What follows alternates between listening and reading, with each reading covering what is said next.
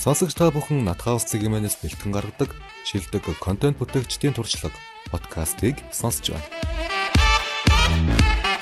За сайн уу манайхаа өдрийн минь энэ удаагийн миний зочинтой дугаараар Ану хасчуу ютубер а мундаг бүсгүй маань оролцож байгаа. Сайн байна уу? Сайн байна уу? Өдрийн минь. Оо өдрийн минь. За таны нь сайн онлайнаар ажиллаад байна уу?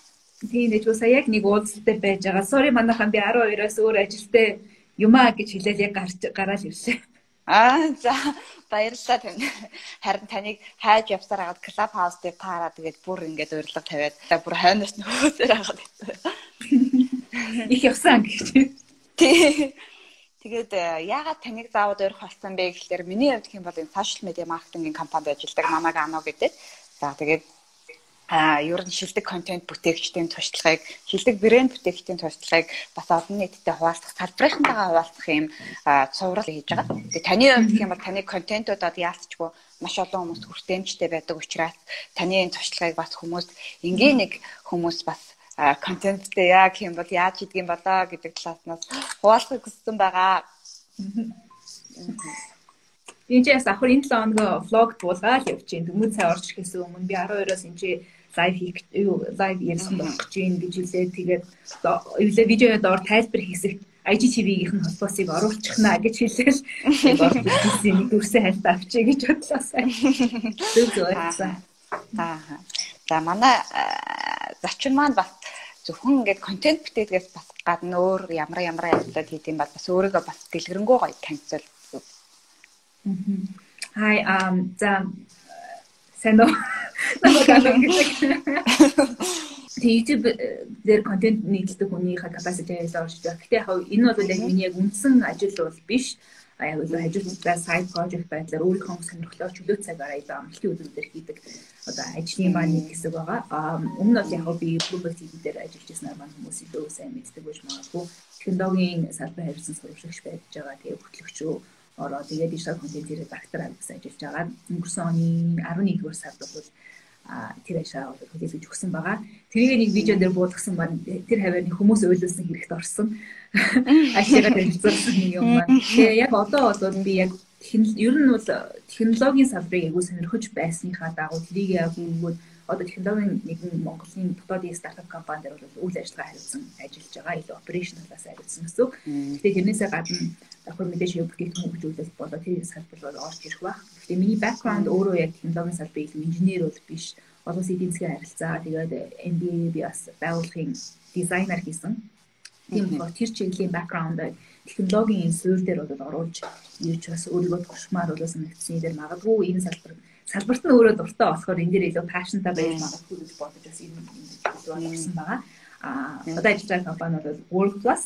А хэрэг хийж байгаа бол App Store дээрээс хайгаад үзэх юм бол App Store дээрч байгаа, Google Play дээрч байгаа хэрэг World Plus гэдэг гүйлгээд үзэх юм бол яг юм интерактив дижитал сэтгүүлийг бол бүтээмжтэй байдлаар хөрөх зорилготойгоор ажилладаг тийм платформ одоогоор бид хөгжүүлсэн явж байгаа. Нэмээд бас бусад өөр сайт бүтээгдэхүүнүүд ирсэн нэмж гаргана. Удахгүй бас яг бүтээгдэхүүнүүд бас илэрнгөө бас танилцуулах бол яг одоогоор бид хэрэглэгч консюмерт хүргэсэн байгаа юм бүтээгдэхүүн бол тэр байгаа. За тэгээд M Music бас манай sister компаниудын нэг яг би шууд тэрнээр биднэртэй бас шууд утгаараа хамтран ажил одоо шууд ажилдаггүй ч гэсэндээ би би бид бас дэмжиж ажилладаг компани нэг Монголын одоо уран бүтээлчдийн дуу хөгжмийг бол яг албан ёсны эрхтэйгээр сонсогчдод хүргэх зорилготой. Тэгээд төлбөртэй хэрэглэгчдийн хүссэн төлбөр бол яг эцсийн үнэ тэдний дуртай дуу хөгжмийг бас бүтээсэн уран бүтээлчдэд роялти хэлбэр өөрт нь яг шууд утгаас хамгийн нэвшиг болж очдог учраас энэ бол яг оюуны бүтээл үнцэнтэй бүтээлийг бол яг үнэлэх зорилттой тийм компани байна. Тэгэхээр илүү контент дээр суурилсан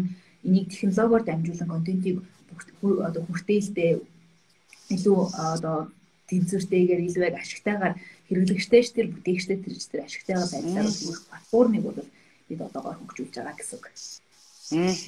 Зөв. За таны хувьд энэ YouTube дээр энэ цоврал контент бүтээхийг яг хизэнээс эхэлж байгаа. Хамгийн анхны контент нь ямар контент байв? Аа яг өнгөрсөн он сая намар үлөө нөгөө миний баяр болохын өмнө нөгөө номын баяр болдог дээ талбай дээр. Яг тэр өдөр хүн миний нөгөө яг хамгийн анхны YouTube видеого өөрхөн одоо яг одоо ашиглаж байгаасаа үг дээрээ нийтэлсэн нэг 10 жилийн өмнө лээ. 10 жилийн өмнө гэсэн. Тэгэл яг яг оюутан байхдаа ингээд хийгээл one one ихэвчлэн vlog байсаар хийгээл. Манай vlog хийдэг байсан л да. Одоо vlog-ийн төрөл нь тэгэж хийж явж байгаа нэг тийм тогтмол байгаагүй. Тэгээд яг ажилд ороод угаасаа ажилдаа анхаарлаа хандуулах болоод энэ бүх сайд юм гэсэн.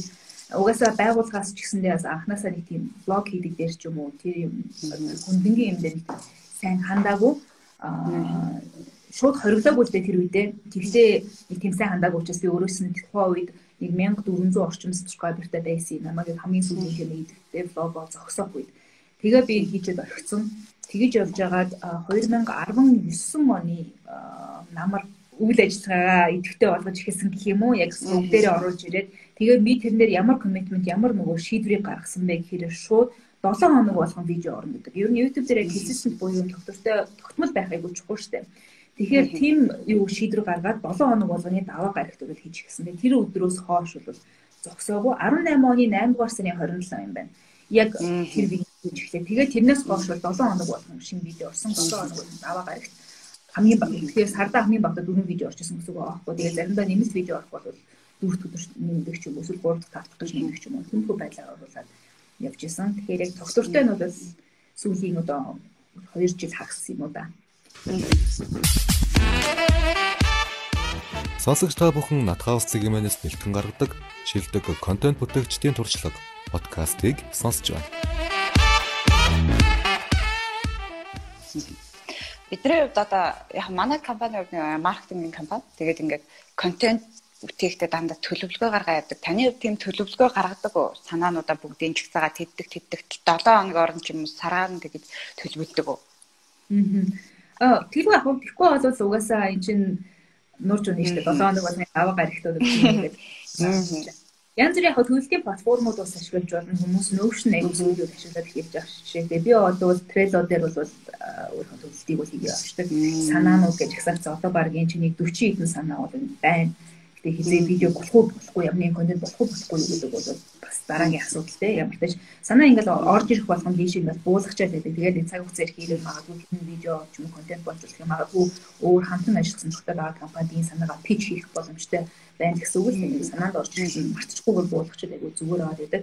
Яг яаж энэ төлөвлөлтөө хийдэг вэ? Энэ тэрэгээ бол жоохон плагин хийчихээр би нөгөө сүүл томьёо дээр томьёогийн аппликейшн дээр skills гэсэн яг экспертүүд өөрсдийнхөө юмыг бол заадаг хэрэг маягийн. Тэгээд тэр дотор би яг яг энэ Trello-ныхоо боордыг яг сандрыг яаж контентэд төлөвлөдөг вэ гэдгийг бол шууд бүтэн хичээл болгоод оруулсан байгаа. Тэгэхээр хэрвээ яг яаж төлөвлөдөг вэ гэдгийг контент яаж төлөвлөдөг вэ гэдгийг бол мэдэр байгаа. Миний editorial content календарыг бол тэр хичээл дээрээс үзэх боломжтой. Бүтэн видео бас байгаа шүү. Тэгэхээр яг ийм хүү байлгынууд болох болсон байгаа. Тэгээ яг энэнийхээ ачаар одоо жишээ нь миний бэлдээ тавьсан байгаа контент гэхэд одоо 3 сарын 22-нд нийтлэгдэх контент ахибны бэлэн болоод энэ чинь YouTube руу орсон бэлэн гэж байгаа юм. Сар гарна дараа гэсэн үг шүү дээ. Дундуур нь яг шигтгэдэх нэг хоёр видео бол байгаа. Нэг нь одоо энэ амралтын өдрөөр бичнэ, нөгөөх нь одоо 3 сарын 1-нд бол бичнэ гэж бодож байгаа. Дахиад нэг видео бас байгаа. Яг хинзээ вэ гэдгийг одоохондоо мэдэхгүй байна. Гэх мэтчлэн ингээд урьдчилан төлөвлөсөн нөгөө цаг хугацааны хувьд хуучирдаггүй иймэрхүү сэдвүүдийг өөрчилж хийгээд судалгаагийн хийгээд ингээд бэлэн болоод нэгсийнхаа дараа бол бэлэн болсон бол би аль хамгийн ойрхон бичих боломжтой өдрөөс бичээд тэгэл илүүдэл ингээд яачдаг. Тэгэхээр дараа нь нөгөө нэг магадгүй ажил ихсээд ч юм уу ингээд байгаа үед нөгөө яана нөгөө видеого яах бэлээ өөр өөртөө бич нөгөө 7 хоног болгоо видео нийтлэн дээр амлцсан байгаа юм шүү дээ. Тэгээд тэр тэр амлалтаа хүрч чадхаа болох гэж өөрөө нэг бодлын санаа зовхгүй стресстгүй ингээд контент бэлдэж авчих юм магадгүй. Нэг даваагт видео бэлдэн биш байх гэхэд дараа нь бэлдсэн байсан нэгэ татаж авчираад нэгтгэж гэж зоогоол тавьсан гэсэн үг шүү дээ. Тэгэхээр тиймэрхүү тактикийг бол хэрэгжүүлнэ. Аа хамгийн анхны контент юугаар хийчихсэн бэ? Одоо энийг үзэж байгаа залуучууд магадгүй нэг гэр бүлийн хоёр ч юм уу блог хөтлөх гэдэг эсвэл нэг байгууллага өөр дээрээ өөр ингэдэг контент бүтээх гэдэг тийм хүмүүс үзэж байгаа. Тэгээд хамгийн анхны контентыг гар утсаараа хийх үү? Эсвэл зориултын камерыг авах уу? Дуу тэр мик зүүх үү? Одоо яах юм бол? Анх эхэлж байгаа юм бүтээгчдийн хувьд бол яг өөр өөрсдөө яг ямар төрлийн бүтээгч вэ гэдгээсээ хамаарал яг өөрийнхөө хэм маягийг олох хэрэгтэй л болно л доо. А одоо тэгэхээр түрүүний нөгөө нэг YouTube хэрхэн YouTuber болох вэ бол яг энийг бас аюу өрнө дэлгэр хүрээнд хөндөж байгаа. одоо анхан шигтний төвшний техник хэрэгсүүл юм юу байж болох вэ? Бүр өндөр төвшний одоо black magic ашигладаг ч юм уу. Тийм юу байж болох гэдэг бүрийг харуулж байгаа бас ярьжсэн. А контент хийх чинь яг өөртөө тохирсон хэм маягийг л олох хэрэгтэй байгаа байхгүй. Жишээ нь хосуудын блогууд бол миний ойлгосноор бол айгүй гардсан дээр бол бичигддэг юм байлээ. Хамгийн ойрхон ерөөсө халаасанд нь байгаа камер байгаа учраас. А миний хувьд болохоор ингээд сууж агаад контент бичдэг. Тэгээ дээрэс нь тэрийгээ тэр дүрсээ эвлүүлдэг. Би өөрөө нөгөө дууны чанартай аяг анхаардаг учраас нэмэлт микрофон одоо микрофон энэ ингээд ашигладаг босоод ирэнгүүт заавал надад бол одоо ингээд тусдаа камер байх хэрэгтэй санагдаад байдаг. А нэгдүгээр техник хангамжийнхаа дүрснийхөө хувьд тэр хоёрдугаар контентын менежментэнд энэ амар байдаг. Тэгэхээр баахан бид нар чинь зураг скриншотууд бас аяг олон байгаа штэ хүмүүс хадгалж авсан тийм. Тиймэрхүү юмнууд дундаас нөгөө нэг яг эцсийн дүндээ видео болно шүү гэдэг төлөвлөгөөтэйгээр авсан дүрсүүдийг ялгаж авах гэдэг айгу асуудалтай л да. Тийм учраас би одоо жишээ нь камер дээр юм уу энэ дотор байгаа картн дээр байгаа дүрс хизээ нэгэн цаг цаашдаа яванда видео болно гэдэг төлөвлөгөөтэй байгаа учраас миний одоо нэг тархинд ч гэсэн нэг тийм контент менежмент цаатлын нөгөө asset management гэж хэлсэн л дээ яг энэ нөгөө зулуусан дүрсээ яг илүү дээр удирдахад бол тусалдаг надад. А тэгэхээр компаниудын хувьд бол ялангуяа би бол team зүйл бас менталититэйгээр хандхан зүгээр ахгүй гэж яагаад тэгэхээр юм дундаа ороод иймэрхүү дүрс мөршүүд хаягдчаад байдаг л та. Тэгэхээр яг яг араас нь яваад тэгж удирдах нь бол зүгээр байх гэж хамгаалж байна. Аа тэгээд ямар төрлийн контент хийх вэ гэдэг бол тухайн хүний сонирхол. Одоо заримдаа над руу нөгөө хүмүүсийн бичиж асуудаг жоохон миний уур хүрэгдэг нэг асуулт бол ана өгчөө YouTube-ор болох гэсэн юм аа. Ямар сэдвэр видео хийх үү туслаач гэдэг. Тэгэнгүүт нэг маад өдөр өнөхөр тэгэж орж ирэх юм бол алгадаад явуулмаар санагддаг л да. Хэрвээ ямар нэгэн контент бүтээгээд тэрийгээ хуваалцахгүй байхын аргагүй одоо тийм санаа байдаг ч юм уу тийм сонирхолтой. Тэгээ тэрийгээ бол контент бүтээх байдлаар хуваалцсан гэж бодоод тэгээд тэр нь цаашдаа тийм магадгүй зөв платформ YouTube ч юм уу Instagram ч юм аль нь ч байлаа гэсэн тийм тэр нь байлаа гэж бодоод ийм би ийм сэдвэр ингээд ингэсэн контент хийх гэсэн юм а энийг яаж зөв хийвэл яаж илүү оновчтой хийвэл боломжтой вэ гэдээ асуугаад ирэх юм бол даваа тэр айгу гоё хэлцүүлэхгүй. Тэгэхгүй юуны тухай хийх үү? Харин яах уу? Эсвэл юу үзвэл юу хийвэл илүү олон үзэх бол гэж асуухаар би бүр зайлаарай юм санагддаг байхгүй юу? Тэгэхээр тийм юм сэдвээ гол нь өөрөө их бэлэн байх хэрэгтэй. Тэгэхгүй хүмүүс яг тийм бэлэн хоол идэх гэсэн, бэлэн санаа авах гэсэн юмнууд ирэх юм би болчихсон.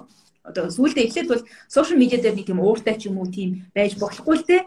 Тийм үе сүүлдээ би бол сошиал медиа дээр Монгол комьюнити дундаа ууртайгаар одоо баг гоо. Сонсогч та бүхэн Натхаус цэгийн-мэнэс бэлтгэн гаргадаг шилдэг контент бүтээгчдийн туршлага подкастыг сонсож байна. Манай Positive Монгол төвшөөд өдгөө хоёр бас хамт ингээд яг тантай адилхан ингээд лайв хийж хад хэлжсэн байхгүй юу. Хүмүүс ингээд контент бүтээх хэрэг эхлээд нөгөө техник технологи чанартай камер, лаг, мик энэтэр юмд анхаарал байдаг. Яг үүндээ юу их ойлгоогүй болоод нөгөөт чинь шал дэмээ зарлага болно шүү гэж бас хэлжсэн. Тэгээ одон контент бүтээгчид бас таны санааг хэлж ийн манай үзэгчид гэсэн цаг ойлгож авч байгаа хаа. Тэгээд санаа контентийнхаа санаанууд ингээд яадаг юм одоо байж байгаад ингээд ороод ирдэг болоо эсвэл өөрөө бодож судалгаа хийхний дүнд ороод ирэх үү? Ер нь судалгаа хэр хэрэгтэй юм болоо. Эсвэл өөрийнхөө амьдралыг зүгээр ингээд харуулаад авах уу Тэгэхээр одоо өөрийнхөө амьдралыг харуулна гэдэг чинь яг влог гэдэг маягийн контент шүү дээ. Хүмүүсийн нөгөө санаж байгаа YouTube дээр оруулж байгаа видео болгоны нэг хэсэг влог гэж нэрлэдэг гэсэн ойлголттой яваад байсан. Яг үндэ влог гэдэг үгийн чинь тайлбар video log буюу видеогоор хийсэн өдрийн тэмдэглэл гэсэн үг байхгүй юу? Тэгэхээр видеоны яг тийм хэв маягийн видеог влог гэдэг болохоос одоо чинь миний видеонууд ихэвчлэн влог бол байдаггүй яг ингэж өөрийгөө өдрийг харуулсан ч юм уу хаана юу явж байгааг харуулсан. Миний аяллийн видеонууд бол хөвчлэн блог гэдэг үгс аяллийн видео тэмдэглэлүүд учраас блог хийх маягаар хийдэг байхад ихэнх одоо чинь хувийн санхүүгийн удирдлагын тухай хийдэг өнгөө удирдлагыг зурлын видеонууд, арьсан арчлыг гэдэг нэртэй арьс арчилгааны тухай видеонууд тийм төлөвлөгч тэтгэврийн тухай одоо тийм видеонууд энэ дэвтэрнийхээ тухай хийсэн видеонууд бол ихэвчлэн sit down буюу тэгээ сууж байгаа тайлбарсан тийм видеонууд бол явдаг. Тэгээ тэрийг болохоор яг мэдээж судалгаа бол аяг басар хийгдэн. За дэвтэрний видео бол нэг асуудал би сууж байгаа л өөрөө яаж хийсэн бэ гэдгээ тайлбарчиж байгаа учраас. А харин одоо арьс арчилгааны видеонууд тэр хувийн санхүү удирдлагын тухай видеонууд бол аягүй дээрээс бол төлөвлөлтөө хийгдэж явдаг. Шууд сууж байгаа ярьж байгаа юм биш. Зарим видео бол нэг видеон дээр би 2 сар сууж исэн тохиолдолд би өөрчлөлт юу хийх вэ? Яаж зөв хийх вэ? Энийг яаж оновчтой ойлгомжтойгоор хийх вэ? гэх мэтэр нэгдүгээр нөө арьс ашиглагын видеонууд дээр чинь би өөрөө арьсны эмч биш дерматологч биш учраас буруу зөвлөмжийг ч юм өгч болохгүй. Тийм учраас видеоныхын би дандаа дээ би арьсны эмч биш дерматологч эстетишн биш харин өөрийнхөө мэдлэгийг өргөжүүлэхийн тулд олж суулж мэдсэн зүйлсээ нэг видеоор тантай хамт хуваалцаж байгаа юм шүү гэдэг. Яагаад тэгэхээр яг Монголд байгаа энэ community дунд яг арьс ашиглагын тухай мэдээллүүдийг яг цогцыг шинжлэх ухаанд судалгаатай мэдээллүүдийг өгдөг одоо сургууд айгүй цөөн байгаад идэг. А мэдээж хэрэг англи хэлтэй хүмүүс өөрөө судлаад ингээл үзчихэн л дээ. А гэхдээ бас ийдэггүй одоо англи хэлгүүч байд юм уу эсвэл магадгүй зөвхөн эрэл сурал болж хайх сонирхолгүй хүмүүс боломжгүй байгаа өөр тохиолдлууд байгаа үед би тэдэрт яг монгол хэл дээр яг юм айгүй сайн судалсан ийм контентийг бас хүргэе гэсэн орон зай хардж байгаа юм учраас тийшээ орсон л доо. Тэгээ хоёрдугаарт зөвхөн тэр орон зайг нөхөх сонирхолтой зорилгоор биш би яг өөрөө тэрэндээ үнэхээр дуртай байхгүй өөрөө судалж мэдэж байгаа. Учираас тэрийгээ бол бас хийгээд дараа. Тэгээд олоод ингэж мэдсэн байгаа нь өөдөө судлаад ингэ мэдсэн байгаа юм а яагаад бусдад хуваалцж болохгүй гэж гээд тэгээ видео контент руу тэр нь орж байгаа юм.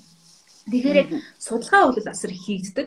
Тухайн видеоныхоо хам одоо магадлал одоо сэдвээсээ хамаарна аялын видеонууд дээр бол багы судалгаа их шаардлага байдаггүй яагаад гэвэл влог юм аяа гэдэг. Ер нь влог ерөөсөө судалгаа бол ордгүй шүү дээ баг. Хүмүүс влог тэр нэг хэцүү биш яг үнэндээ.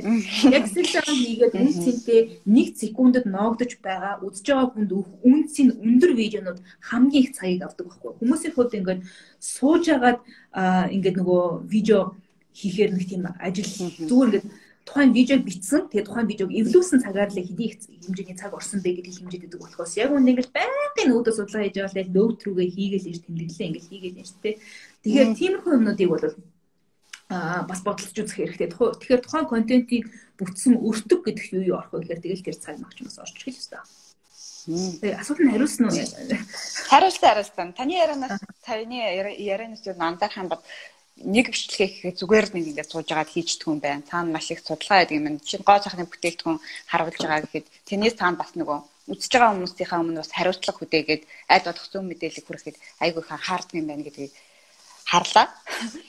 За тэгээд одоо та YouTube контент эвлүүлэг мэвлүүлэг бүх зүйлсээ өөрөө хийж гинөө thumbnail бэлдэх тий тайлбар текст бусад бүх эвлүүлэг гэж бүгдийг нь өөрөө хийх үү? Мм ер нь бол нэг хүний л operation л да яг одоо миний операц болоод. Мм. Тэгээд хүмүүс их сонирхолтой асуудаг л да. Эвлүүлэг хийхдээ ямар програм ашигладгийг сурахад хэцүү юу? Би ч гэсэн ингээд нэг видеонууд эвлүүлэх гэсэн юм а гэж асуудаг. Таны ямар програм ашиглав юм бол? А Final Cut Pro гэдэг Apple-ийн өөрсдийн програмыг ашиглаж байгаа. Мм. Эвлүүлэг тэрээс сурахад YouTube-аас хараад сусчих уу эсвэл дахиад нэг сургалт авах уу? Ер нь бол сургалт аваад хийсэн хамаагүй дээр юм бэлээ. Аа энэ чинь тэгэл нөгөө англиар бол trial and error гэдэг өөрөө л хийж практикаар сурж байгаа юм биш үү. Тэгээд арай сайжруулах гэвэл дараагийнх нь юу байж болох вэ гэдгийг хайгаад хичээл авч үзэж байгаа юм. Би Skillshare-аас хичээл үзчихсэн. Тэгээс үлдээ өөрөө нөгөөтгөө нөгөө YouTube-ийнхаа хичээл дотор оруулсан. Их мэдэр тэгэл trial and error л явна л да. Хэрвээ контентийнхаа их чанарыг чанар гэдэг дээрээ үзэгдэх чанарыг нь улан сайжруулах гэх юм бол яванда мэдээж эвлүүлэг хийдэг мэрэгжлийн хүмүүстэй хамтарч ажиллах нь илүү зохимжтой байх ба. Гэхдээ тэр бол яг харгуу контент бүтэг өвтгийг нэмэл явчих учраас дөнгөж эхэлж байгаа хүмүүсийг тэр замаар явдаггүй л дээ. А угаасаа амжилт олно гэдэг нь ойлгомжтой сургууд байл ихэд одоо жишээ нь YouTube дээр хамгийн том байгаа сувгч одоо сувгуудын нэг нь одоо идрэгийн сувг гэж болж байна те эсвэл төр сүлдэр бажи ялалт хоёрын влог байж болж байна. Тэд нар бол яхаагүй хөндлөнгийн студ бол орж ирж ажиллаж байгаа видеонууд байгаа дах чинь нэгтэй анханасаа бүр тийм тусдаа багтаагаар явцсантай тийм видеонууд байх шин. Тэгэхээр яг тухайн бүтээгчийн тухайн сувгийн хэм маяг ер нь зорилго тэрнээсээ л хамаарна л да. Сонсогч та бүхэн Натхаус цэгийн-мэнэс бэлтгэн гаргадаг шилдэг контент бүтээгчдийн туршлага подкастыг сонсож байна. Таны тамтаалаа юм дээр бэлддэг, Photoshop юм дээр бэлддэг эсвэл өөрөө гоё програм ашиглаа бэлддэг үү бас? Өөрөө тэгээд програм ашиглаад хийндэ. Одоо хаа trade secret асуух гэдэг яах гээд байгаа. За. Бүх хичээл дээр ингээд paywall-ийн ард нуугаад тавьсан байгаа юм ийм асуугаад. Миний зорилго болохоор ерөөсө хөшөрний ардхыг одон төмөндөлд байгаа. Хүмүүсийн туршлагыг ер нь хуваалцах зорилготой байгаа. Аа янз бүрийн юм шиг лөө. Аа YouTube сувгаас гадна бусад сувгуудтай хэр итгэвтэй байна? Энэ сувгууд хоорондоо би энийгээ ер нь дэмжиж гин үү? Эм нэг юм ойлгох хэрэгтэй байгаа шүү. Одоо Монголд хамгийн өргөн байгаа, өргөн ашиглагдаж байгаа платформуд гэдэг агаад үзэхээр интернет хэрэглэгч одоо Монгол улсад интернет хэрэглэгчдийн тоо Facebook хэрэглэгчийн тоо хоёр тэнцүү байдаг. Нэг талаасаа зарим хүмүүсийн хувьд интернет тэнцүү Facebook гэсэн ойлголт ч байдаг гэдгийг маань зэрэгтэй бүгдээрээ гэсэн үг гэх тэрийг бол. Тэгэхээр хамгийн өргөн хүртээмжтэй хамгийн олон хэрэглэгчтэй платформ ବୋଲି харгуул үздэг. А энэ тэнгууд би болонгууд Facebook-ээс бүр зоригтойгоор зүхтдэг Одоо Facebook-ийн тэр нөгөө зарим талаасаа жоохон токсик тэр орчин тэр community жоохон хэцүү байдаг учраас нэг хэсэг би видеонуудаа Facebook-ийн пэйж дээр бол нийтлэе гэж бодсон л доо. Тэгэж туршиж үзэл за болиё гэж үзэл буцаад YouTube дээр үзсэн. Ягаад тэгэхээр видео менежмент талаас нь YouTube хамаагүй илүү байгаа юм. Тэгээд дээрэс нь YouTube-ыг хэрэгжилж байгаа хүмүүсийн өөрсдийн зам төлөвч гэсэндээ тэрэндээ алхны шигшигдсэн Facebook-ыг интернет гэж боддог гэсэн үг биш. Яг YouTube руу орж үзээ subscribe гэдэг товчийг дагдаг. YouTube-ээр хаяг үүсгэх гэсэн Google аккаунттай тэгээд тогтмол дадал болгоод тэр лүгөө орж үзээ дагдаг creator-уудынхаа контентийг юу хийж ингэж үздэг тийм хэрэглэгч алхтны бэлэн болсон баг тийм хэрэглэж байгаа учраас тэдэртэйгээ хандах илүү сайн community үүсдэг. Тэдэртэй харилцах ч илүү амар байдаг. Тэр хүмүүс надад илүү одоо invested in би ч гэсэн тэр хүмүүстэй ингэж ярилцах дуртай. Орж ирээд зөвхөн линк дээр дарж орж ирээд ингээ үзчихдэг биш. Subscribe дардаг, видеодоор комент үлдээдэг. Тим хүмүүстэй бол би ингээ ярилцаад ингэж явах айгүй дуртай. Тэр нь ч гоё байдаг. Тэр хүмүүс илүү positive байдаг. Наадсах нөгөө like, dislike дарахад хүртэл хаяг үсэх хэрэгтэй шүү дээ. Тэгэхээр dislike дарсан хүмүүсийг хүртэл би айгүй appreciate хийдэг. Ягаад гэвэл тэр хүмүүс Google аккаунтаа үүсгээд орж ирсэн байна гэж боддог. Тэгэхээр тийм байна. Тэгэхээр платформ болгондоо илүү ялгаатай. Одоо Facebook дээр илүү нөгөө viral болох шинжтэй тийм оршин тэмхүү эсвэл жоохон негатив юмнууд илүү явдаг байхад илүү боловсрлыг дэмжих зорилгоор чи миний зорилго бол илүү боловсрлыг өгөх зорилготой. Илүү заавал зөвхөн хамгийн гол зөвхөн над дээр миний контентийг үзэл тэгээд дуусгах биш. Миний контентийг үзээд тэрнээс сэтэл аваад цаашаа өөрөө нэмж судлах тэр уран зориг өгөх сонирхолтой учраас тийм хүмүүс нь илүү YouTube руу өөрөөсөө орж ирдэг гэж боддог болохоор тэр надад аягүй сонирхолтой байдаг.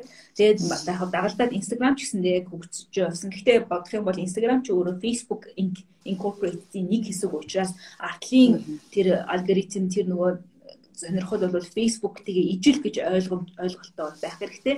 Тийм болохоор тэр нүү би одоо Facebook, Instagram хоёрыг яаж жигнэх вэ гэж аваад үзэх юм бол надад бол миний YouTube илүү үнцэнтэй платформ, илүү хөдөлгсөн гэж шингээдэг. А гэтэл Instagram бол шууд нөгөө илүү хүмүүстэй ингээд шууд ярилцах боломжийг те илүү хурдан ярилцах боломжийг олгодог. Жишээ нь энэ лайв гэсэн дээр бол тийм биш үү? Хоёул хэрвээ YouTube дээр хоёр талаас орж ирж байгаа лайв үүсгэл ингэсэн бол технээс илүү энэ Instagram дээр хийх нь илүү олон үзэж байгаа ч юм явж боломжийг нээгүү гэж өгдөг учраас давуу болон сул талууд өөр өөр байна.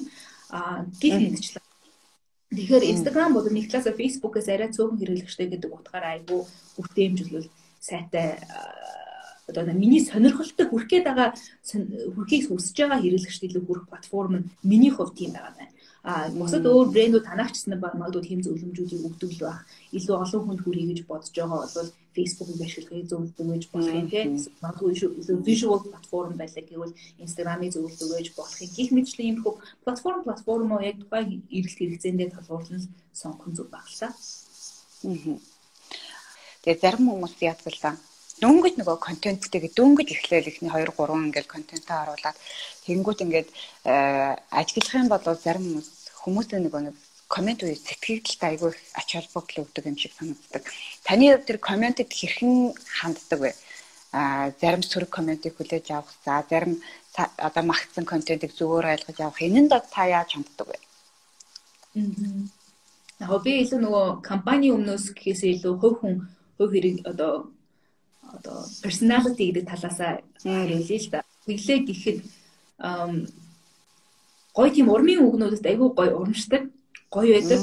А тийх тийхтэй бүр нөгөө контентоо үзээд тэр нь яг тухайн контентт нь тухайн видеонд нь яг тохирсон ингэсэн байх энэ нь таалагдлаа эсвэл ингэлийн одоо энийг би хэрэгжүүлж эхлэх чинь гэсэн бүр яг тухайн комментоо бичиж байгаа видео агуулгадаа тохирсон тийм юм одоо эрэг сэтгэлийг бол би бүр айгүй гоё бүр амар баяртайгаар хүлээж авдаг. Ягаад гэвэл яг тэр контентоос тухайн хүн яг үзээд өөртөө хэрэгтэй юмаа шүүж аваад эргэцүүлээд те тэгээд шийдвэр гаргаад за энийгээ би бүр хуваалцахгүй болохгүй нэ гэж бодож орж комент бичиж гин гэсэн үг дээ. Тэр бол миний хувьд яг хамгийн үн цэнтэй комент болдог. А өөрөөр бас нэг гоё комментод орж ирсэн зүгээр хайртай шүү, гоё шүү гэсэн нөгөө нэг тим комментуудаас орж ирдэг сайн. Гоё л доо. Аа энэ надад тгийж сэтгэлээ илэрхийлж байгаа айгүй баяртай байдаг илүү илүү нөгөө хэрэглэгчийн хувьд тийм илүү залуу хэрэглэгчид илүү тийм тэгээд тийм комментууд бичдэг юм байна гэдэг нь анзаардаг. Бичсэн хүмүүсийн би нөгөө профайл руу ороод ингээ үзэхээр зургийг харахаар бол илүү залуу Gen Z магадгүй бүр альфагийнхан арай альфа арай болов гэдэг. Илүү Gen Z рүү хүмүүс илүү орж ирсэн байх шиг байдаг. Тэгэхээр би нөгөө нана тэр хүмүүс яг үзээд яг ямар сэтгэл авсан бол тэр видеог үзээд яасан бол гэдгийг мэдмээр санагддаг байхгүй. Тэгэхээр тэнд дээр жоохон нөгөө юу одоо одоо тасалдал үүсчдэг. А бүрэн өргөн хэмжээний тийм комент бичиж байгаа тий яг ямар ажиглал байсан бэ гэдгийг бичиж байгаа хүмүүс яг илүү миний үеийн хүмүүс ч гэдэг юм уу тий эсвэл магадгүй арай надаас их жах тийм хүмүүс бас байгаад байдаг. Тэр яг нөгөө насныхан зан төлөвийн хандлага байх л да магадгүй. А тэднийг бол тэгэхээр тийм нөгөө зүгээр богинохон зарим нөгөө first гэж хүртэл комент бичих гэж орж ирдэг хүмүүс байна first нэг видеон дээр 3 first гэсэн гэсэн комментос орж ирж ирдэг те 3 хүнээс дээр. Бид нар бол гоё ч гэсэндээ нэг тийм аг тийм амар үнцэнтэй бол биш нар бол тийм first байгаа үст те. Аа тэгэхээр нөгөө нэг ерөнхий утгаараа тийм гоё комментууд бол сэтгэл ойрхон байдаг ч гэсэндээ нөгөө ихний чи тийм өндөр үнцэнтэй биш. Би ингэж харьцуулмааргүй байна. Харьцуулах муухай л та. Гэхдээ яг үнэн тийм байна. Сонсогч та бүхэн Натхаус цэгийн бэлтгэн гаргадаг шилдэг контент бүтээгчдийн туршлага подкастыг сонсож байна. Ам тэнгууд сөрөг комментуудаас орж ирнэ. Тэгэнгүүт ажиглахад хоёр янзын сөрөг комментууд байдаг юм. Аа гурван за гурван янзын сөрөг комментууд. За эхний хоёр нь яг надад хандсан комментууд. Юу вэ гэхээр эхнийх нь үнэхээр зүгээр л анууд дуугүй хүмүүс байдаг байхгүй юу? Зарим хүмүүсээ юугаа яриад байгаа зарим хүмүүсийн тийм нэг зүгээр зарим хүмүүс тухайн хүний царайг хараад уурал хүрдэг тийм юм байдаг штэ. Би бас тийм хүмүүсийн тийм юмыг бас хүргэдэг юм байлээ. Гоё. Зүгээр хамт дургу. Тэгэл юугаа яранаад хөмсгөө хөмсгчийн яатсан ам чи яаж хөдлөд байгаа ямар их нүүрнийх нь хувирлын яадын гарч ирдیں۔ гэсэн нэг тийм нөгөө visual тийм үзэгдэх байдлыг шүүмжилдэг тийм юм байна. Юу вэ? Илүү миний царай өөрөө экспрессив ярихаараа дүүнхээрээ ингээ хөмсгөө ингэдэг дээшээ өрөвдөг гоё мэрхраараа ингэдэг сэтгэл нь хөдөлгөөрөө яадаг тийм. Тэр чинь байгаараа л байгаа нь тэр. Тэгээд яг яригут байгаараа байгаа зүгээр яриач гэх намайг нэг юм нөгөө мэдээний хөтлөгч ингээ диктор шиг ингээ ингэж юм яриулах юм хүсдэг тийм хүмүүс бол байна. Тэгэхээр тэр комментууд бол зав цааш өө надад наад чинь байдлыг юм. Надад тэр ерөөсөө хамаагүй. А хоёр дахь төрлийн сөрөг комментууд бол энэ бол constructive comment. Юу гэхээр миний яг контентийг шүүмжилдэг. Энэ нь буруу явчлаа. Энэ нь зөв, ингүүл зөв байх хэрэгтэй байсан. Ингэх нь хэрэгтэй шүү гэсэн юмар өгж болно. А тэр нь гоё тийм найрсгаар шүүмжилсэн комментууд бол яг constructive яг дарааг дараагийн видеон дээр би бас анхаарах те. Магадгүй би өөрөө анзаараагүй орхисон байгаа юмнуудыг бол а тэгж бол аж хүлээж аваад хүлээж авах юм би бол хүлээж авах. Нэрээ тийм биш шүү гэдэг яг юм. Constructive утгаар хүлээж авдаг юм уу. Эсвэл яг ихний коммент нэлээд төстэй зүгээр л намайг шүүмжлэнгүүтээ. Уг нь бол point тэр нэг комментэд нь бас авчих авчих юм байгаад байгаа байхгүй. Гэхдээ яг муугаар илэрхийлсэн юм болохоор би өөрөө хүл болсон хань бас яг хүлээж авмааргүй санагдаал те. Тийдэг тийм сэтлийг өгдөг зүйлс бол байна. Тэгэхээр эхнийх нь тийм зүгээр л амууд дургуун хоёр дахь нь яг контентда яг тийм коммент үлдээсэн одоо тийм юу юм бэ constructive яг юм үн цэнийг нэмж өгсөн үн цэн өгдөг сөрөг комментууд гэж байна. А гурав дахь нь болохоор зүгээр л нөгөө нэг миний таамаг юу вэ гэхээр үннийг хэлэхэд нөгөө Facebook дээр аюу хуурамч хаягууд байдаг штэ. Twitter дээр хуурамч хаягууд бол байдаг байсан. Өөр ямар нэгэн ашиг сонирхлыг сонирхол өөрчлөх зорилгоор үүсгэж байгаа тэрийг хийж өгдөг. Агентлагууд ч гэсэн байдаг. Монголд ч гэсэн тийм агентлагууд бол байдаг. Тэр зорилгоор хийдэг хаягууд бас яг цаашаа Instagram-оор орж ирээд одоо тэр YouTube үрчсэндээ орж ирж байгаа нь бол анзаарагдаад байгаа юм. Юу гэхээр тийм хөө комментууд өөр комментууд айгүй тийм нейтралны комментууд орж ирдэг. Нейтрал гэдэг нь би одоо сөрөгч биш эрэгч биш гэж байгаа биш ихэнх нь сөрөг байдаг. Нейтралны гэдэг нь тухайн ярьж байгаа видеотой ямар ч хамааралгүй сөрөг комментууд. Надтай ч хамааралгүй, тухайн контенттой ч хамааралгүй шал тэнэг гэсэн коммент орж ирдэг.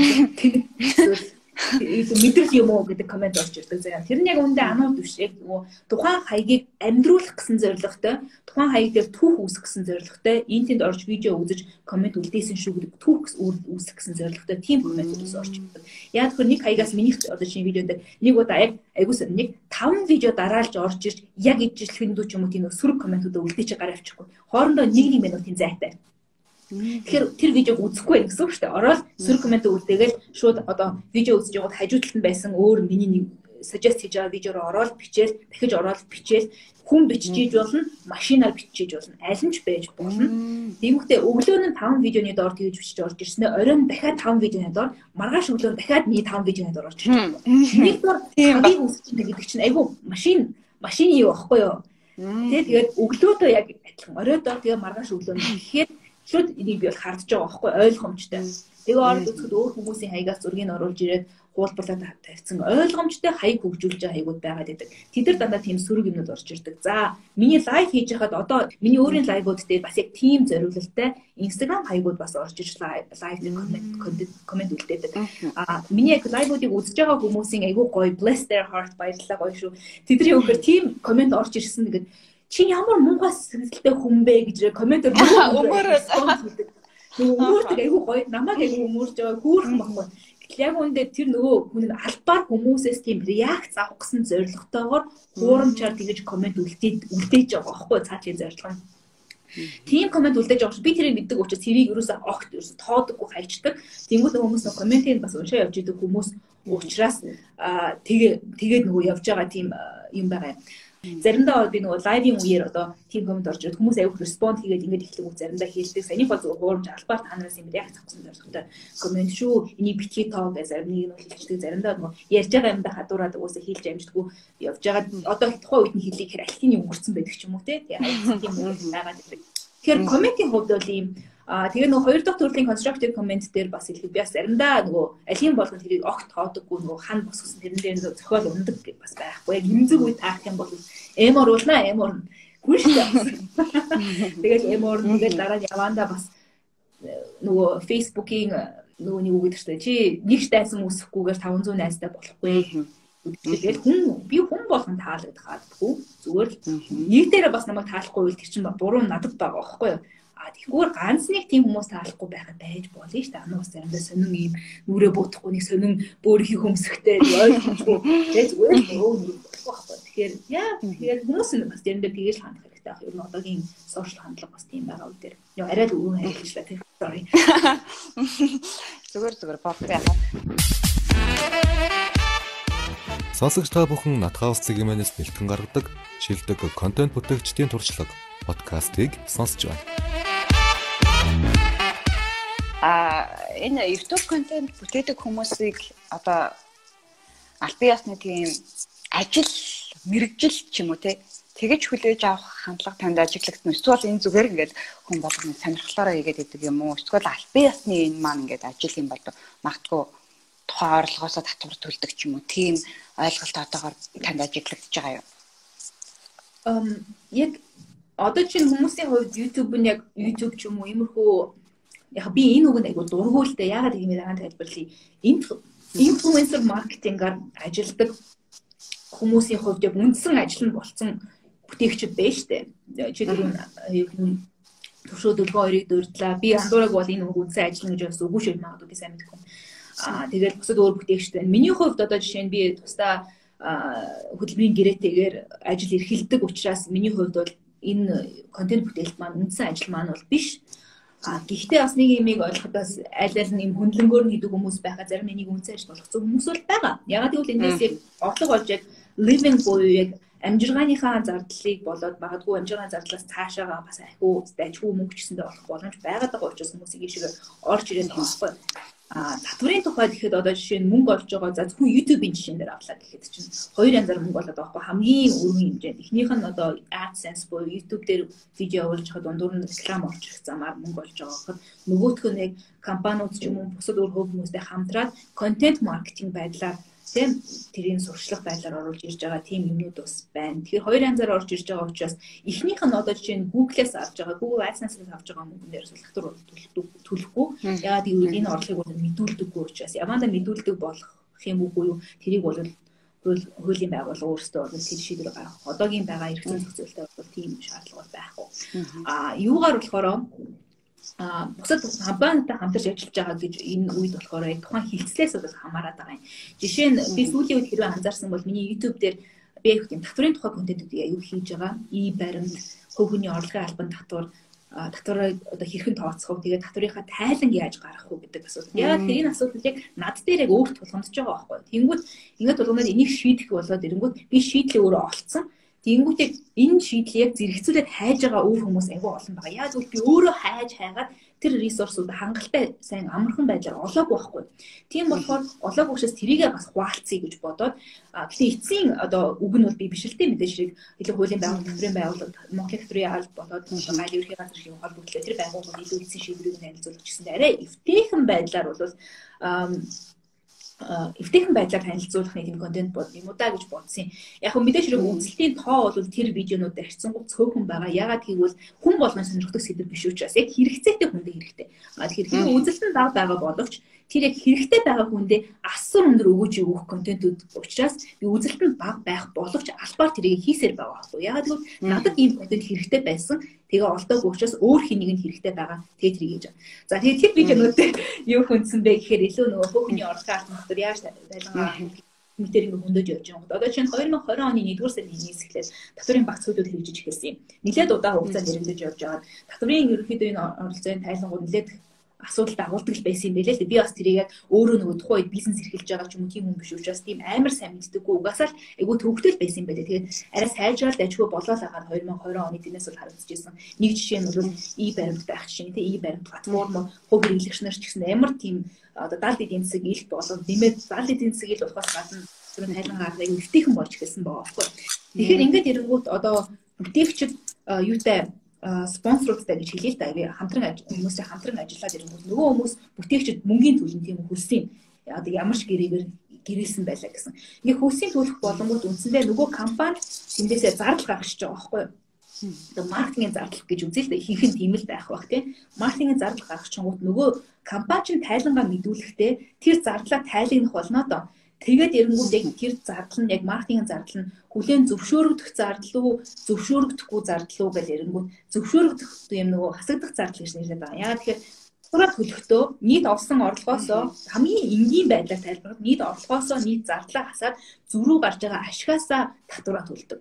А тэгэхээр орлого ингээ байнгут зардлаа ингээ нөгөө бас нэг хөтлийн өндөр бүтэн бүрэн байлгах тусам зөрүү нөгөө ашиг нь бас багасч ирдэг учраас тэрнээс өгдөх татвар нь өдгөх татвар ч буурдаг байхгүй. Тэгэхээр зардлаа аль болох хүлээн зөвшөөрөх тийм зардлууд байх хэрэгтэй.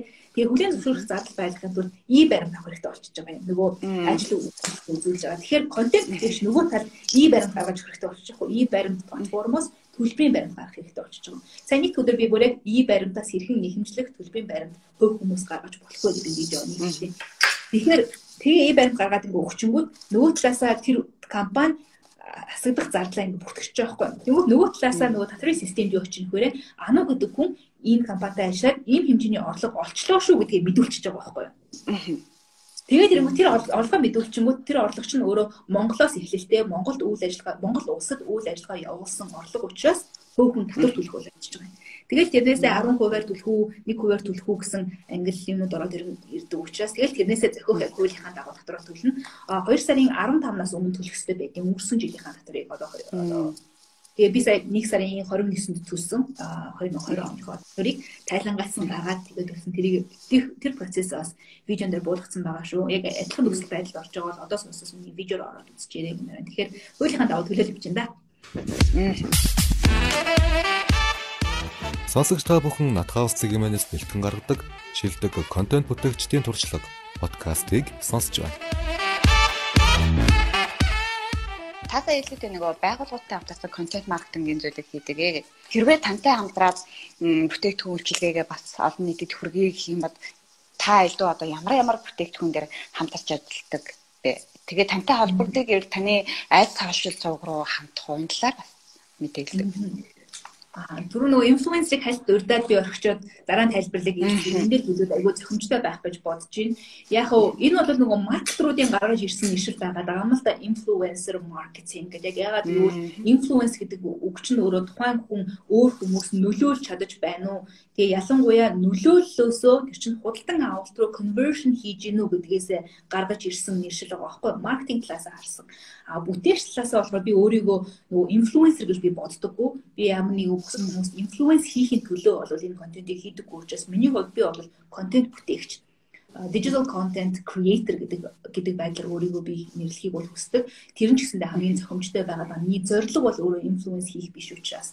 Тэгэхээр маркетингийн бас нэг төрөмөд байгаа даа штэ нөгөө дөрвөн янзын холцоос ингээл бол үзэхгүй яг бүтээгдэхүүний брендинг байршил гэж нэг байдаг тийм үү? Positioning тийм тэгэхээр тухайн брэнд бүтээгдэхүүн үйлчилгээ зах зээл дээр хаана яаж байршиж байна вэ гэдгээс хамаарат тухайн байршил дээрээсээ маркетингийн төлөвлөгөө маркетинг стратеги болоод тэрнээсээ улбаасан тактикуудыг гаргаж ирж байгаа штэ тэгэнгүүт байршиж байгаа тэр зах зээл дээрээс чинь хамгийн тохиромжтой өөр сувгуудыг гэдэг ингээд өгөнгүүт юу тийм сувгуудыг сонгоод өнгөт магадгүй нэг нь инфлюенсер маркетинг руу орж ирлээ гэж бодоход инфлюенсер тэр стратеги хөөд тактик орж ирэн тактикийн шинж рүү шатал руу ороод ирэхээр хинээр хийх вэ те? Хинтэй хамтрах вэ гэдэг асуудалж ороод ирж байгаа юм. Тэгэхээр хамгийн түрүүнд нөгөө э, над руу холбогдож байгаа брэндүүд ч юм. Уу тэдрийг тэдний тэр хүмүүсийн байршиж байгаа зах зээл нь яг миний байршиж байгаа зах зээлт энэ брендинг уялдаа холбоо айгүй ойрхон байгаасаа гэж боддог.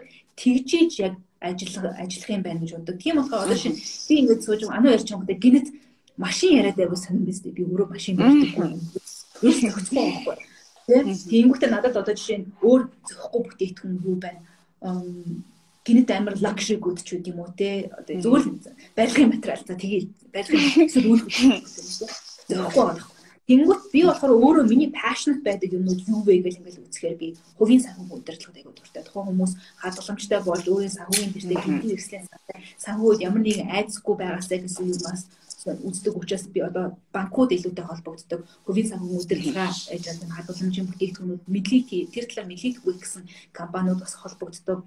А байлаг гэх юм бол би нөгөө илүү нааштай хүлээж авдаг бид хамтран ажиллах тийм нөгөө бололцоо тэмдэг үздэг гэдэг өөрөө скин кер айгуу дуртай учраас скин керийн бүтээгдэхүүнийг нийлүүлдэг компаниуд бол холбогддог гих мэдчлэн тэр айгу гоё анти ажиллагаанд болдог. Тэгээ тех тех дундаа миний өөрийн нөгөө контентын хэм маяг нөгөө боловсролыг дэмжих зорилготой мэдлэгийг түгээх зорилготой учраас холбогдож байгаа компаниуд гэсэн яг мэдсэн судалгаа судалгаа хийсэн компаниуд болохоор бүтээгдэхүүнээ зүгээр энэ гоё гэж хэлүүлэх дээр биш энэ яагаад гоё юм бэ? Энэ орцсон юу юм? Ямар хүний ярьсан тохиромжтой вэ гэсэн мэдлэгийг түгээх гэсэн юм аа. Тэгээд ингэж яваад хэрвээ EV мэдлэгийг авчаад магадгүй энэ нь зүгээр юм байна шүү гэдэг бүтээгдэхүүн сонгох юм бол энэ нь магадгүй нэг хөлбөр юм шүү гэдэг байдлаар хийвэл зүгээр юм аа гэсэн маркетрууд орж ирдэг. Тэр бол бүр зүгээр хайр шүү тийм маркетрууд ерөөсөө ингэ зүг байршиж байгаа. Би миний хувьд гэсэндээ гоё тэр хүмүүсийн контент одоо захиалагчдын хувьд ч гэсэн айгүй зөв маркетинг болж байгаа байхгүй. А зарим нь болохоор бүр ингээл нүүрэн дээр наалгуулах гэсэн зорилготой тий бүр ингээд баг ингээд сууж гэмээр тийм саналууд орж ирж идэг. Тэгээд тийм юм бол хамтын ажиллагаа айгүй гоё болдог хамгийн зөв илүү хүртээмжтэй. Тэгээд үзэж байгаа хүмүүсийг тийм тэр контентийг үзэж байгаа хүмүүс ч гэсэн тэнэг биш дээ ингээд илт рекламдаад ээжээж рекламдж байгаа үгүй би угаасаа энийг хэрэгэлдэг ингээд ярих чи өөрөө гудлаа аахгүй юу Үнэхээр би өөр надад таалагдаад ингэж явж явах юм бол тийм хүмүүдээ сонгох байж гоо. Огт таалагдахгүй огт юм уу би хизээч сайн ч юм уу ягараа гэж хүмүүс зөвлөдөггүй. Үгүй энэ бол яг тухайн контентыг чинь ёс зүйтэй хамааралтай асуудал. Би тийг өөрийгөө харьцангуй нөгөө ёс зүйтэй байх гэж хэлдэг учраас яг тиймэрээ яг үнэхээр өөртөө юу тийм үнэн юм хэлэх гэж хэлдэг. Сонсогч та бүхэн Натхаус цэгийн бэлтгэн гаргадаг шилдэг контент бүтээгчдийн туршлага подкастыг сонсож байна. Instagram платформ дээр анхаарал тэгээд хүн нөгөө нөлөөлөгчтэй маркетинг гэдэг рүү халтраад орсон л да. Тэгээд эх онд бол нөлөөлөгчтэй маркетинг илүү үнэн байхыг шаардна гэдэг яг таны таны хэлсэн шиг илүү нөгөө нөлөөлөгчд одоо шигшигдэж эхлэх юм одоо тийм болж эхлэх юм байлээ. Тэгээд таны тэр контентуудаас бас надад хамгийн их таалагдсан нөгөө нэг агаартай холбоотой нэг агарын аппарат бариад хотын төвд ямар байна энд ямар байна агаар бол ийм юм а гэд маш их тийм судалгаатай контент бас их таалагдсан. Тэгээд шууд ороод одоо агарын нөгөө нэг судалгаа бүгж мөгдөд бас их идэвхтэй явсан. Тийм. Баярлалаа. Тэр бас яг өөр нөгөө нэг сэтлүүдээр та нар анзаарч ирсэн үгүй юу? Ингээл нөгөө хүүхдийн хүчирхийллийн эсрэг, гэр бүлийн хүчирхийллийн эсрэг, магадгүй хог хаягдл эсвэл агаарын гэдэг юм нийгмийн шинжтэй юм мессежүүд байгаа штэ. Эдрийг ингээд нөгөө хүмүүс таниулах advocacy гэж хэлдэг л дээ. Нийгмийн маркетингийг хийх болоод ирэнгүүт энэ маркетингийн фейсүүд, энэ маркетингийн дүр төрхүүд ямар байх вэ гэж ингээд сонгогдонгууд заримдаа энэ энэ маркетингийг хийж байгаа хүмүүсийн алддаг юм юу гэхээр айгу олон хүнтэй хүмүүстэй л хүмүүс рүү олон дагагчтай хүмүүс рүү хандаал энийг хийгээд өгөөч ингээд өгөөч гэж ингээд эхлэнгүүт магадгүй нэг талаасаа нөгөө хүн айгу олон кост дээр нэг талаасаа царин гараад ирдэг. Хоёрдугаар тэр хүн бас мэдээж хэрэг тэр костоо итгэдэг итгэдэг юм шиг. Тэр олон кост уусаа итгэл үнэмшилтэй бол байж болно. Гэхдээ одоо ануугийн царай гэж харагдахад нийгмийн утгын юу гэхээр агарын бохирдол гэж л орж ирэх хэрэгтэй. Түүнээс агарын бохирдол хүүхдийн эсрэг хүчрхийл, эрүүл мэндийн юу багт юм олон орж ирэхгүй юм шиг санагддаг байхгүй. Тэнгүүд над руу бас тэглээгээд бас өөр өмнө саний хувьд урдчихсан нөхцлүүдээрээс ингээд санал тавьж исэн зүйлсүүд орж иж исэн л да энэ дээр ингээ voice болоод яваа чи энэ ажлууд ерөөсөө тийм төлбөртэй ажлууд бол биш. Энэ үедээ иргэний нэг иргэний үүргийн үр хариуцлага хүрээнд хийж байгаа ажлууд болж байгаа байхгүй. Тэгээд эренгүүт би бас нөгөө заримд нь бас үгүй гэж хэлээд байдаг юм юу гэхээр нөгөө гэр бүлийн хүчирхийлэл гэх юмгууд наацхан магадгүй гэр бүлийн хүчирхийллийн фейс бол яг магадгүй энэ асуудлыг туулж гарсан өөрөө мэддэг тэг мэддэг юм а ярих хэвээр тийм хүн байх ёстой гэж боддог учраас би газар гадаг тийм гэр бүлийн хүчрхийллийн одоо хохирогч болж байгаагүй. Газар тийм ээ тэгтээ тэгэнгүүт би эний эний фейс болоод энэ дээр ярих нь утгагүй болчих жоохгүй А гэтэл ингээл яг миний яг social cause яг юу вэ гэж хайвал явахад миний яг бодож ирсэн сүүлийн 4 5 жил би ус агарын бохирдол дээр миний бүр зүрх ингээд цохилдог байсан юм байлээ. Миний яг хажуухан мааны найз маань юутай жирэмслээд ингэ явж байсан дөнгөж төрөөд хүүхэд нь уушны хорт тавтартай төрж байгаа байхгүй юу. Улаанбаатар хотод хүүхдээ тээсэн. Тийм шууд миний амьдрал нөгөөх нь импакт болоод ирэнгүүт миний ингээ бүр ингээ дотроос ингээ ингээд ингээд эхэлж байгаа байхгүй юу. Тэгээд эрэнгүүдийг агарын бохирдол гэсэн энэ асуудлыг үнсэн энийг хэмжих магадгүй энийг бууруулах те энэ чиглэлд явсан юм амтай ажиллагааны нэг фейс болоод ингэж яваад ингээд хамтарч ажиллах боломжтой юу контент бас бүтээх хүн. Би OESP яагаад тэр нэг яг үнэхээр миний зүрхэнд байгаа юм болчих жоохгүй. Тэгээд ирэхээр тэр аппарата бариад би тийшээгээ нөгөө зайсан хоёр гэдэг рүү авираад өөрөө үгээр явсаад. Тэгэж явах сэтэл нь яг түрүү ингэж байгаа юм чи яг өөрөө яг гэн үү нэг энэ яг миний яг өөрийн яг миний зүрх цохилдог юм тэр болчихж байгаа байхгүй. А тэглээгээд одоо жишээ нь би хүүхдийн хүчрхийлэл ч юм уу тий гэр бүлийн хүчрхийлэл тэрийг бол байх ёстой гэж боддог гэсэн үг биш зүгээр л яг хамгийн ойрхон байгаа юм аа л төлөөлөх хэрэгтэй гэж боддог учраас тэрлүү болоод орж ирсэн. Бас яг хүрсэн юм байна ямар тач. Тэгэхээр тийм их боддог байдаг. Тий. Одоо энэ нийгмийн одоо энэ э, сангуулаагүй хогоо битгий хай тий агаараа цэвэрхэн байлгаа гэд энийг болоод яг төр цацгаас ингээд шаардлага тавингууд нэг өлег болтон юм шиг залуучууд таахаа бэлтэн юм шиг. Тэгээ энэ талыг энэ ойлголтыг арай өөр талаар сургаж байгаа бас контент бүтээгчид та бүхэнд бас маш их баярлалаа. Манай Батгэлэг үл би бас тэгдэг л дээ нэг сонгуулийн яар залуучуудаа сонгуулаа өгсгөө гэж хөөх хөөхөн контент тэгээ тэр нь залуучуудад илүү ойрхон тусдаг юм уу те. Тэгэхээр контент бүтээгчдийн бас нийгэмд гүйцэтгэж байгаа энэ бас гоё үр бас би хувьдаа болоод маш их талархаж явдаг. Тэгээ та бүхэнд бас маш их баярлалаа. Сонсогч та бүхэн Натхаус цэгийн бэлтгэн гаргадаг шилдэг контент бүтээгчдийн туршлага подкастыг сонсож байна. Тэгээд уламжлалт болгоод асуудаг нэг асуулт байдаг. За тань шиг ингээд амжилттай контент бүтээгээд явъя гэвэл за манайхаа ер нь энэс л ихлэ шүү. Яг л ийм л хідэн зүйл байдаг юм шиг өөрийнхөө хувийн бас зөвлөгөөг бас хүргэе. Яг контент руугаа орлоо гэвэл миний хувьд зүгээр ажигласан юм яг эцсийн үг бол биш юмнээс илүү ухаалаг зүйлсийг өөрөө зөвлөх зүйл байна. Миний хувьд яг өөрийнхөө үнэхээр дуртай зүйлийг хийх хэрэгтэй юм байлээ. Энэ яг юм чинь эхний үедээ яг ойлгомжтой би өөр хүмүүстэй хамтарч yaşаад энээсээ тодорхой хэмжээний орлого олдог болоод ирэнгүүт би яг бас яг тэр контентийг хийх урамшил одоо авч байгаа. Тэр хүртэл их цаг орно. Тэр хүртэл асар их үнэгүй хөдөлмөр орно ажлаа ингээ хажуугаар нь орой бичнэ орой эвлүүлнэ магадгүй амралтын өдрөө тэрэндээ зориулж видеого бичээд эвлүүлнэ те гих мэтчлэнгээр ямар ч тийм их монитори буюу мөнгөн тийм урамшуулал хүртэхгүй олон жил бол явдаг. Аа тэгэхээр яг ийм юм хийхэд бол үнэхээр хобби ирэх хэрэгтэй аахгүй юу монголоор ингэ хэлдэг. Тэгэхээр яг үнэхээр өөрөө англиар бол passionate гэж хэлдэг. Монголоор бол яг өөрийн чинь сэтгэл зүрхийг яг хөтөлсөн тийм зүйл рүү л явж явах хэрэгтэй шүү. Яг анханасаа яагаад контент бүтээж эхэлж ийн вэ гэдгийг өөрөөсөө асуугаад зорилго чинь юу вэ гэдгийг айгу зөв тодорхойлох хэрэгтэй. Хүмүүс яг ютубер болохын тулд хийж байгаа гэж зорилго тавьж над руу түрүүнд би нэг хальт уурласан байсан шүү дээ. Тэгэж орж ирж байгаа бол битгий болчих яах юм хэрэггүй. Харин эсвэргээрээ яг тийм пашн ч байгаа, яг контент бүтэмээр байгаа cool гоё юм хий гэж байгаа бол ороод ирэх хэрэгтэй шүү гэмээр. Тэгэхээр анхнаасаа зорилгоо зөв тодорхойлж иж орчихгүй бол явандаа нөгөө нэг нөгөө контент хүмүүст хүрдэггүй ч юм уу те ингээл явахгүй бол урам хураал ингээл хаяал тэг яг үнэндээ эцсийн дүндээ жи хөдөлмөр хийгээл э, хийсэн юм чинь үр дүн хүрхгүй л байх гэсэн үг шүү. Тэгэхээр цагаа өвсөн болчихж байгаа байхгүй. Тэгэхээр тэрийг айгу зөв тодорхойлох хэрэгтэй юм шиг санагддаг. Аж ахуйн нэгжүүдийн хувьд ч гэсэндээ яг өөрийнхөө брэнд эквитигээ бас илүү тодорхойлох тиймэрхүү контент хийх нь айгу зөв юм шиг санагдаж байгаа. Яг яагаад танаа хүмүүс одоо хэрэглэгчд Монголд бас яг хийж гэнэ үгүй юу? Хэрэглэгчид яг бүтээгдэхүүнийг худалдаж авах болцсон шүү дээ. Хэрэглэгчид үйлчлэгийг худалдаж авдаг болцсон. Одоо кофений кофе хүртэл кофе ч нөрөө кофе биш намайг сэргээх үйлчлэгээ байгаа байхгүй юу тий. Түүнээс магадгүй сэтгэл ханамж өгөх үйлчлэгээ байгаа байхгүй юу.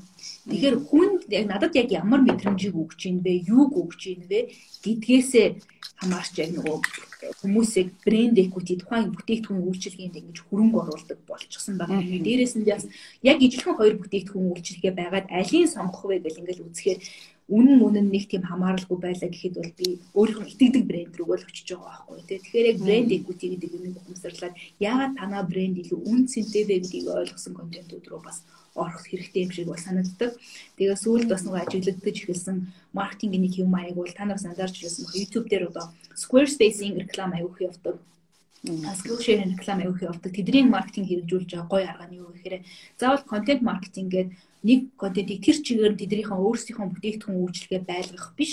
Харин эсрэгээрээ контент бүтээгчдийг чадамжуур тэдрийг дэмжиж шууд нөгөө өөрийнхөө шал өөр сэдвийн видеонуудын дундуур зүгээр энэ видеог тэдний дэмжлэгтэй хүргэлээ тэднийх ингэсэн гэсэн шууд дөнгөсөн 1 минутын дотор шууд өөрсдийн рекламны яг юу юу хийгээд гэдэг мессежийг шууд хэлүүлээд буцаал өөрийнхөө үндсэн видео руу орчдөг.